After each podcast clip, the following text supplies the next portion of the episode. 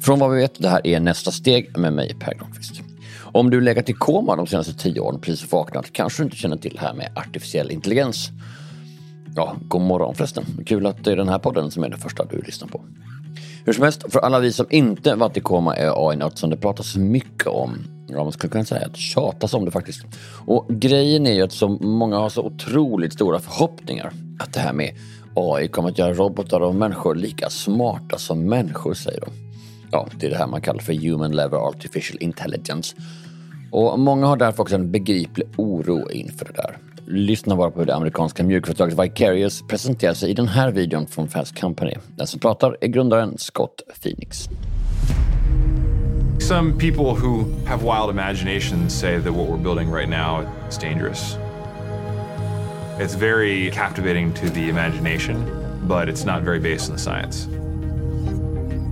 At Vicarious, our mission is to build the first human level artificial intelligence and use it to help humanity thrive. Artificial intelligence will be bigger than the internet or any previous invention that's revolutionized the way the human race works. Musiken är maffig och visionerna stora och det är uppenbarligen en del av grejen när man säljer in något med AI. Eller? För är det inte vad AI gör och vilken nytta som det skapar som är viktigare för kunden än att man använder just AI? Ja, hur säljer man egentligen in sina AI-tjänster? Det ska vi ta reda på i dagens avsnitt.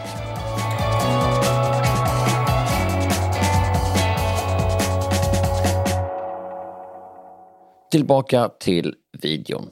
If 40 years from today, Vicarious hasn't created human level artificial intelligence, I would be very surprised.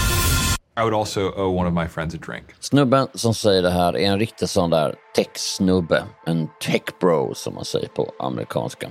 Föreställ dig en sån för din inre syn, för han ser exakt ut så. Intervjun är lika filmisk som en futuristisk science fiction-rulle av modernt snitt. Techsnubben sitter där på ett väldigt modernt kontor framför en vägg full med skärmar där kod flimrar förbi. Ja, lite för att ge känslan av att den artificiella intelligensen är liksom sysselsatt med någon slags uträkning som vi får då se. Det är liksom lite för snyggt och för bra för att kännas sant. Och hans namn är Scott Phoenix vilket ju också låter lite för bra för att vara sant, liksom som en actionfigur. Scott Phoenix han är klädd i tunn, snygg, vadderad väst som eh, inte alls ser billig ut faktiskt. Och under den har en svart t-shirt förstås. Han har ett slätrakat babyface, är förstås vältränad och hela hans uppenbarelse utstrålar allt det där man förknippar med artificiell intelligens. Framåtanda, nytänkande, begåvning och expertis. Men alla AI-experter har inte riktigt samma utstrålning av pampig professionalism som Scott Phoenix. Men också en dyr drönare. Det var en multispektral. Så den tittar i andra våglängder än RGB. Så den tittar på klorofyll och sådana saker. Så har vi köpt in en sån. Så var jag ute med mina barn i skogen. Och de var små då. Riktigt, riktigt små. Så sov vi i bilen. Och sen så bara... Så försvann den i skogen. Den du hör prata här är Marcus Drugge som också är pionjär inom AI. Och han hade alltså köpt in en fruktansvärt dyr drönare som han skulle träna upp till att bli intelligent om jag fattade rätt. Och den där provkörde han dumt nog samtidigt som han hade barnen med sig ut i skogen och så plötsligt försvann drönaren. Och i valet mellan barnen och drönaren så valde han förstås drönaren. Så han fick väcka till sina barn och säga Nu måste du bara stanna kvar här. Lova att inte följa efter mig in i skogen nu. Väck inte din bror. och sen fick jag springa liksom. Men jag hittade den med. Så det var, det var väldigt skönt. Okej, nu kanske tänker att Marcus är någon slags pajas här och det är han inte. Och han är inte heller pretentiös, vilket jag uppskattar väldigt mycket. Han låtsas inte att han är någon amerikansk AI-guru och därför säger han inte saker som är skapade för att plocka poäng. Det är det. Marcus verkar helt ointresserad av att imponera. Så vad gör ni? Ja, vill du veta? Vänta, det finns ju så många ingångar på det. Vi står i en skog utanför Linghem i Östergötland, 10 kilometer väst om Linköping ungefär. Och vi är här för att Marcus har lovat att förklara för mig vad han gör. Det går så där, för Marcus har många saker i huvudet och han är snabb från tanke till handling. Så ibland glömmer han att berätta saker, som att bolaget han startat heter Arboär. Och ganska ofta berättar han också en massa saker som man inte frågat om, som där han tappade bort den där dyra drönaren. Så vi får ta om frågan och jag ber honom verkligen att göra det här så enkelt han kan. Okej, jag jobbar med skogsanalyser. Jag startade lite bolag som jobbar med just att analysera skog med hjälp av drönare, AI och satelliter. Vi har byggt ett i cloud. Man kan logga in så kan man skapa så här, min skog. Typ som Facebook fast min skog och så kan man dela med andra och så. Och så kan man göra åtgärdsförslag där. Man kan ha sin virkesköpare eller någonting, vara och kolla det systemet. Eller så kan större bolag använda det för att kunna visa en kund deras skog och säga så här, så här mår din skog just nu, precis denna dag liksom. Och så får man en kartbild över vad det är som står i skogen, vad det är för typ av träd, hur stora och små de är. Om det är en gran, björk, tall, ek. Det är därför bland annat som han kom på att det vore fiffigt att ha en drönare som också kan se andra saker än i RGB, alltså vanliga kameror. Utan något som kan se spektal och Och köpa en sån så är det klart man vill provflyga den så fort som möjligt även om barnen sover i bilen. Och man får också timmervolymer, man får också om det finns skador i skogen, till exempel granbarkborre är ganska vanligt. Då kan man se om det sprider sig granbarkborre. Man kan se om det finns ett träd i närheten av granbarkborre som har nedsatt vitalitet. Så då kan man tänka sig, ja, om de är lite slitna, då kommer förmodligen de också stryka med i nästa omgång. Just det. Eh, Och hur ser man det? Det? När man tittar på det uppifrån så ser man att om topparna är pigga eller inte. Ja, precis. Vi jobbar ju med massa olika saker. Då. Men eh, man, man slår ihop massa olika värden. Eh, man kollar dels på en RGB-bild. Men också så gör man vissa processer för att kunna se hur mår det här trädet. Liksom. Jag tänker kanske att det var konstigt att de inte nämner artificiell intelligens. Var det inte det som det här avsnittet skulle handla om? Varför är vi ens i skogarna om vi inte pratar AI? Nu nämnde du inte ordet AI alls. Nej, Eh, Men det är måste jag det? Nej, det, det, precis, måste man det? Alltså det är så jävla många som människor som pratar om AI hit Mm. och dit. Och det jag tycker var intressant att ni pratar inte så mycket om det. Nej. Är det så att ni har pratat om det innan och insåg att folk var ointresserade? Eller liksom, hur förhåller du dig till liksom AI-begreppet? Ja, egentligen så gör jag så här. Jag tycker att det är ganska många som pratar om just AI. Det är ett sånt samlingsbegrepp av allt. Och jag tycker egentligen så här, det är inte så viktigt om man använder en AI eller inte. Det är inte det som är viktigt. När jag startade bolaget så visste jag inte alls eller när jag startade, men när jag började med idén i alla fall. Då visste jag inte vad jag skulle använda. Sen så visade det sig att jag behövde en AI. Och så var det det verktyget som vi var tvungna att ha. För kunderna hade en viss kravprofil över vad de behövde och så. Och då fattade jag att ja, men det är det jag behöver. Men jag tycker att det är så många gånger som bolag säger så här, ah, men vi måste jobba med AI. Ja, okej. Måste ni det? När det är någon process som verkligen kräver just det? Eller kan man koda upp det där eller bara? Ja, eller också liksom, vad är AI? Jag och min fotograf Anna hittade ju hit i skogen med hjälp av Google Maps eftersom vi slagit in en position som Marcus gett oss. Och det är väl någon slags AI att veta att då ska vi först hit och sen ska vi dit och sen om 400 meter är vi fram och sådär. Det du skulle säga om det, du skulle inte säga så här, ja men nu använder jag en AI-app här på morgonen för att hitta hit. Du skulle säga så här, ja men jag bara slog in det på Google för att navigera hit. Alltså, du skulle ju prata om effekterna av det. Och det är det jag gillar att prata om. Jag pratar om så här, ja men okej, vad blir nyttan av det? Jo, men det är att i vårt fall då, att man kan kartlägga en skog väldigt, väldigt effektivt. Men har ni pratat om AI eh, en sväng och så insåg du att folk bara eh, inte förstår något eller himlar med ögonen? Eller liksom? Ehm, ja, det ska jag nog säga. I början... Du har blivit klokare av dina Ja, misstag. ja, så är det. Men det är också en lärandeprocess för en själv. Ja. Jag visste inte alls vad AI var från början heller. Och definitioner, olika deep learning om ML och alltså, Mm. jag hade inte koll på alla olika begrepp. Jag hade inte träffat så många som höll på med det heller. Så jag fattade inte att det var så olika. Jag var ju också novis. Men sen allt eftersom så fattade jag liksom att det betyder nästan ingenting om man säger det. Det är bara flashigt. Och man vill är det kanske det som är grejen? Att nu har jag lärt mig det här om liksom deep learning. Då vill jag gärna droppa det. Liksom en... Ja, ja, så kan det säkert vara. Jag har inte den, den drivkraften att jag måste droppa sådana coola grejer. Utan jag är mer så här, jag vill ju lära mig de sakerna. Jag måste lära mig de sakerna. Jag är Lite så här nyfiken på, alla utvecklare hos oss går alltid och hänger lite över axeln. Och inte för att så här micromanagera utan snarare så här, vad håller du på med? Hur gör man det där? Vad håller, du vet så, kanske som ett barn frågar sin förälder. Så jag frågar honom hur man gör det där och då startar han förstås sin drönare och skickar upp den ovanför trädtopparna. Säg att man har en sån här. Man har ringat in den skogen som man vill skanna. Man kanske laddar ner en fastighetsgräns och sen så trycker man på så här, skanna den här skogen. Så åker den här iväg och bara skannar av hela grejen. Och sen kommer den tillbaka. Så man, man bara egentligen står och väntar tills den kommer tillbaka. Man har lite uppsikt. Det du hör i bakgrunden är Anna Hollams, vår fotograf, som tar bilder på Marcus och hans drönare som du kan se på vadvivet.se där du också hittar sammanfattningar av alla nästa steg-avsnitt. Sen så laddas alla bilderna över i ett moln och så får man en, en analys. Så då kör vi våra AI-analyser, alla, alla analyser som ska göras sen då. Och sen får man en kartbild. Tänk dig liksom Google Maps, att man har en blå liten plupp vart man är på en karta. Och så ser man sin skog. Typ vart står det döda träd? Vart står det friska träd? Hur mycket av den här sorten av träd? Man kan sortera också. Man kan säga så här, ja men okej, okay, jag vill bara ha en huggklass på den här typen av träd. Leta upp alla dem och så ser man, ja ah, där står de, det är tio stycken, lite utspritt. Och så kan man gå och leta upp dem. Så funkar det. Så man får liksom en, en precisionskartering av sin skog. Mm. Så man ser liksom information på varje individuellt träd. Dels hur de mår såklart. Men också vad man kan göra för... Sen får man ju ta beslut om man vill göra skötselråd och sådär. Men det är ju jättebra att se, för alla vill ju ha den här överblicken över sin skog och då mm. ger ni dem det. Ja, ja precis. Helt enkelt. Liksom. Ja. Och många har ju kanske ganska mycket skog också. Mm. Säg att man har över 300 hektar uppåt. Liksom. En del mm. har ju flera tusen hektar. Men säg att man har över 300. Då är det så, man kan inte bara ta med sin svampkorg och gå runt och kolla en eftermiddag. Nej. Utan det är liksom mer än du mäktar med sådär väldigt snabbt. Och då är det skönt att bara säga så här, okej okay, men på hösten, ja men hur ser det ut nu då? Bara kör en sväng, bara trycker, så drar den iväg. Och så har man skannat det på, ja, 100 hektar är ju skannat klart och analyserat på typ 20 minuter. Och sker det då liksom direkt från den här appen, att det laddas upp och så får man tillbaka? Eller ska man sen gå in på nätet och ladda upp någon annanstans? Och da, da, da? Mm. Eh, bra att du frågar. Mm. hur vill du att det ska ske? ja. Batteriet är inte så jättelångt. Nej.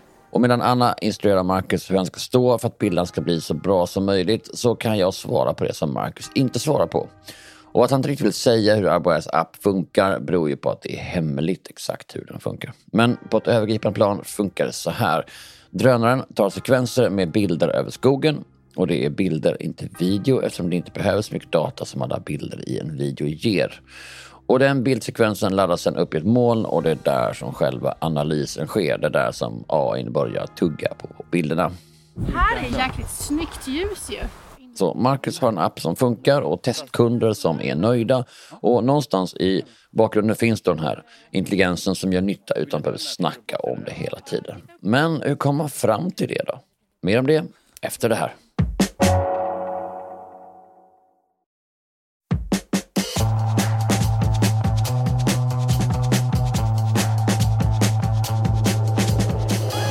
Vi befinner oss i en lövblandad barrskog. Markfuktigheten är frisk. Medelhöjden är 23 meter. Träden står inte glest men inte heller tätt. Grundytan är 36 kvadrat per hektar vilket gör att man kan räkna ut att det här beståndet består av 389 skogskubikmeter per hektar. Ja, det här är sån information som Arbor kan förse sina kunder med. Analysen består dels av vad drönarna ser från luften med sina olika slags kameror och dels offentlig data som man sedan kombinerar ihop med bilderna då. Och dels på offentliga data. Skogliga variabler hämtas från Skogsstyrelsen, markfuktigheten från SLU och så vidare. Jag frågar Marcus, men hur börjar det här? Det var så här att jag pluggade på universitetet till civilingenjör. Mm. Och så var jag pappaledig och så jag gick på halvtid lite så. Och så tog jag en extra kurs för att få lite pengar i kassan. Så då gick jag en entreprenörskurs. Jag tänkte ja, men det här kan vara spännande. Undrar vad det här är. Och då fick jag en uppgift där att så här, kolla upp en idé som du skulle kunna liksom, ja, realisera. Hitta på någonting. Jag bara, okay, ja. Så började jag kolla då på en lösning till jordbruket. Så veckan efter det så drog jag ut till en bonde ute på Skötaslätten, Bosse. Och sa så här, ja men hörru Bosse, jag ska förklara ett scenario för det här. Tänk dig att vi har så här svärmardrönare som bara lyfter här ett moln och flyger över dina grödor och analyserar allt. Bosse var lite så här. nej, svärmardrönare, nej, nej. Och han bara, jag har det mesta i mina traktorer, sa han. Och sa han så här, men problemet för honom då var det att han satt på åkern hela sommaren. Han kunde inte ta sig därifrån för det var så mycket jobb. Men då hade han granbarkborre i skogen bakom ryggen. Han ägde ganska mycket skog. Och han sa så här, han hinner aldrig dit. Så han sa, ja, men kan du lösa det problemet åt mig? Så hade jag varit väldigt glad. Och då sa jag okej, men det kanske jag kan göra. Och så började jag kolla på hur funkar det då och sådär. Jag äger lite skog själv också, så jag har den bakgrunden så att jag förstår hur det funkar lite liksom rent eh, industriellt eller hur ja, skogsnäringen funkar så i detalj. Men då började jag kolla på det därifrån och då såg jag till slut att okej, okej, vi måste nyttja högprecisionsdata. Vi måste ha någon process så att vi inte sitter och gör det här för hand. Det är för mycket. Det måste gå snabbt. Vi hade benchmarket på vi måste ta åtminstone 100 hektar på en halvtimme. Då ska flyget analyserat och klart. Det var liksom vår benchmark från början. Med den tanken startar vi.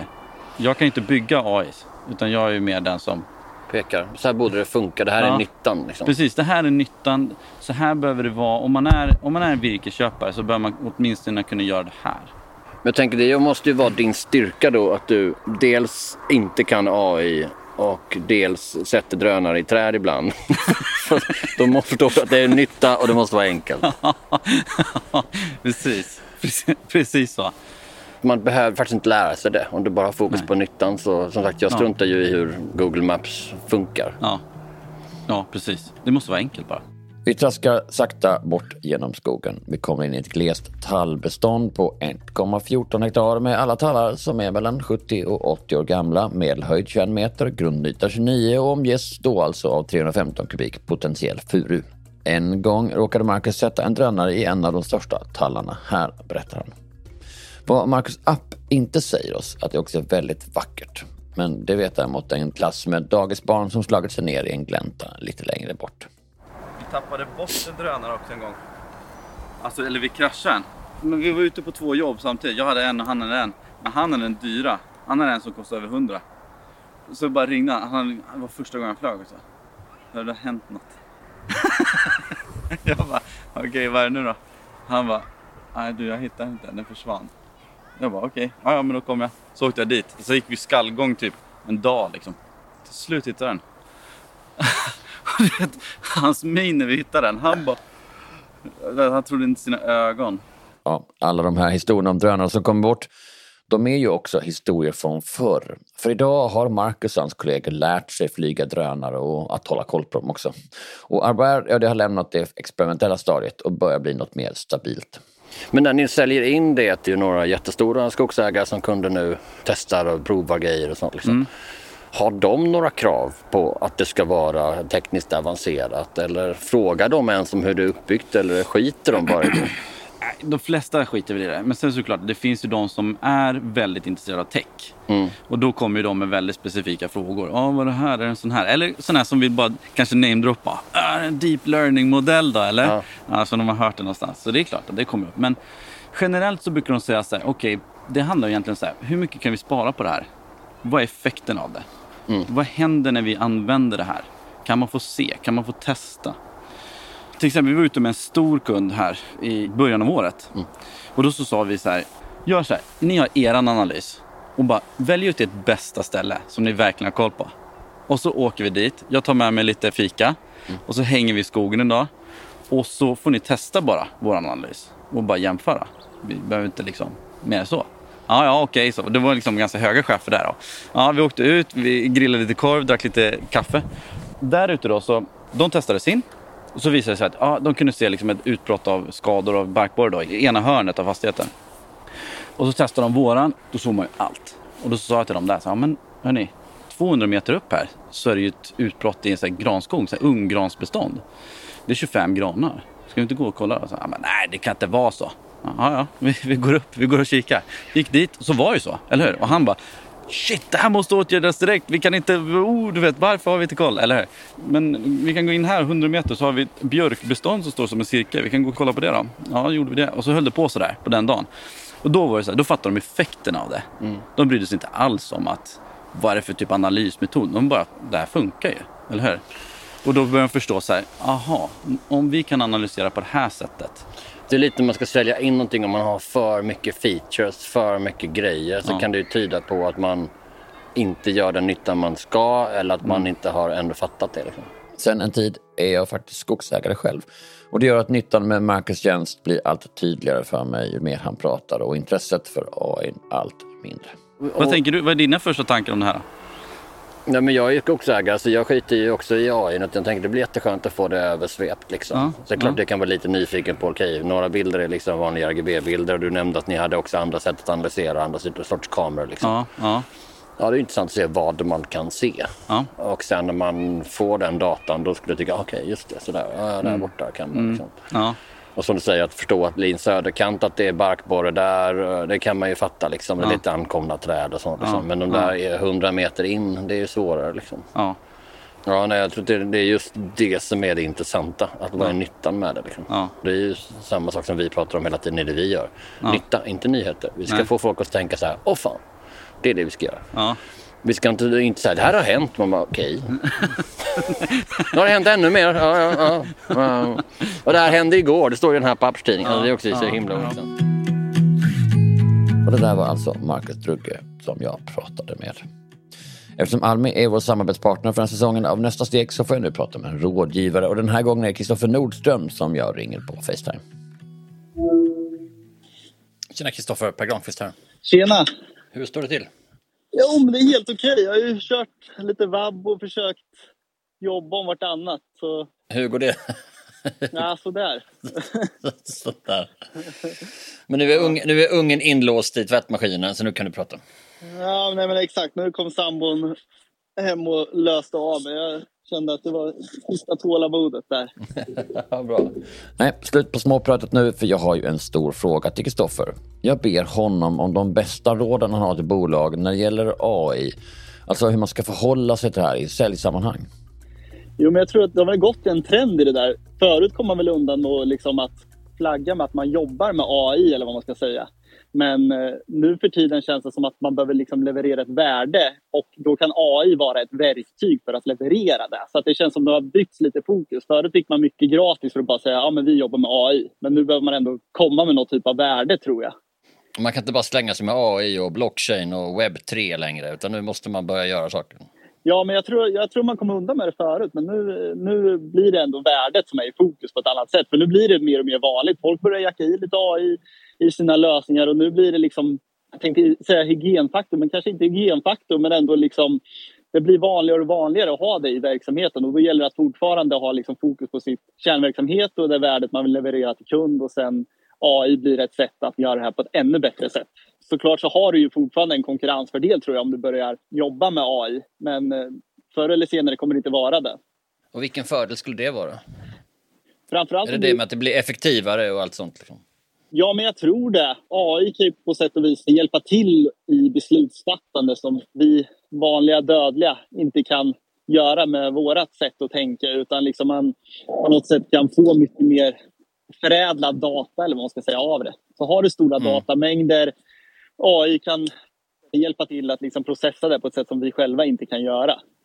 Men ska man inte prata om det alls då tänker du? Bara för att man liksom, det är ju ändå värdet för kunden och de skiter väl i hur du gör saker bara att du gör det. Ja. Nej, men jag tycker absolut inte man ska strunta i att prata AI. Alltså, som sagt, det är ju en stark konkurrensfördel fortfarande. Sådär. Men som jag sa tidigare, fortfarande lite fokus på det värdet man skapar och liksom AI är ett sätt att skapa det värdet på. Kan det vara, men det får inte hamna i fokus heller. Kristoffer varnar alltså för att falla för AI för att de fortfarande har en slags nyhetens beskimmer över sig, eller det här begreppet. Att det är en av alla de här grejerna som är jättetrendigt i företagsvärlden men som så småningom mognar och blir något annat. Man kan jämföra lite med, även med hållbarhet, för där tror jag vi har kommit lite längre. För förut så pratade man ju på ett sätt hållbarhet, då var det liksom något man gjorde för att det skulle se bra ut. Men nu för tiden, då måste du ju verkligen jobba kring hållbarhet. För du kan inte bara säga att du jobbar hållbart, utan nu måste du kunna påvisa varför och hur du jobbar med hållbarhet. Just det, det är en jättebra parallell för det där har man ju också blivit trött på alla som springer runt och är hållbara. Men man bara, ja vad, liksom, jo då, men vi jobbar med, eh, och så tänker man okej, men det, Ja. det verkar ot- otydligt alltihop liksom.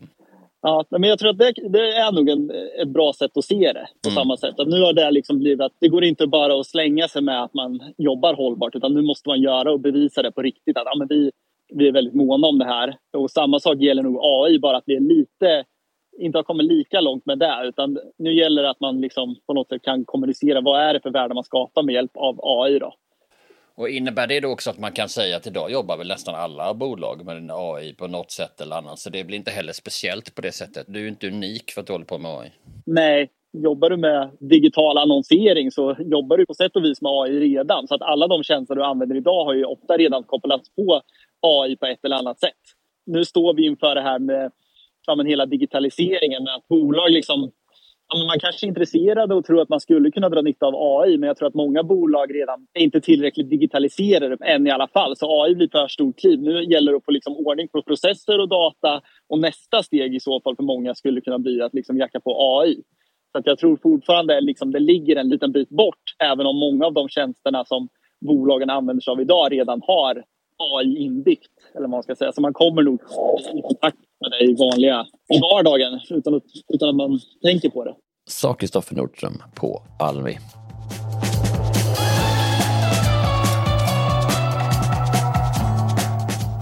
Som du ju fattat och kanske själv upplevt är det råd från andra företagare man lär sig mest av. Vet du någon företagare som du, efter att ha hört just dagens avsnitt, som kanske snackat mycket om det här med AI eller drar nytta av det och kanske till och med tror att det kommer rädda allt? Tipsa dem om det här avsnittet. Använd dela-knappen i din poddapp för att skicka det till dem. Och delar det sociala så ska du använda hashtaggen nästa steg. I nästa avsnitt, ja, då får du höra fler företagare som tar steg framåt och kanske just det steg du funderar på nu. Till nästa gång, ta hand om dig och krångla till saker i onödan.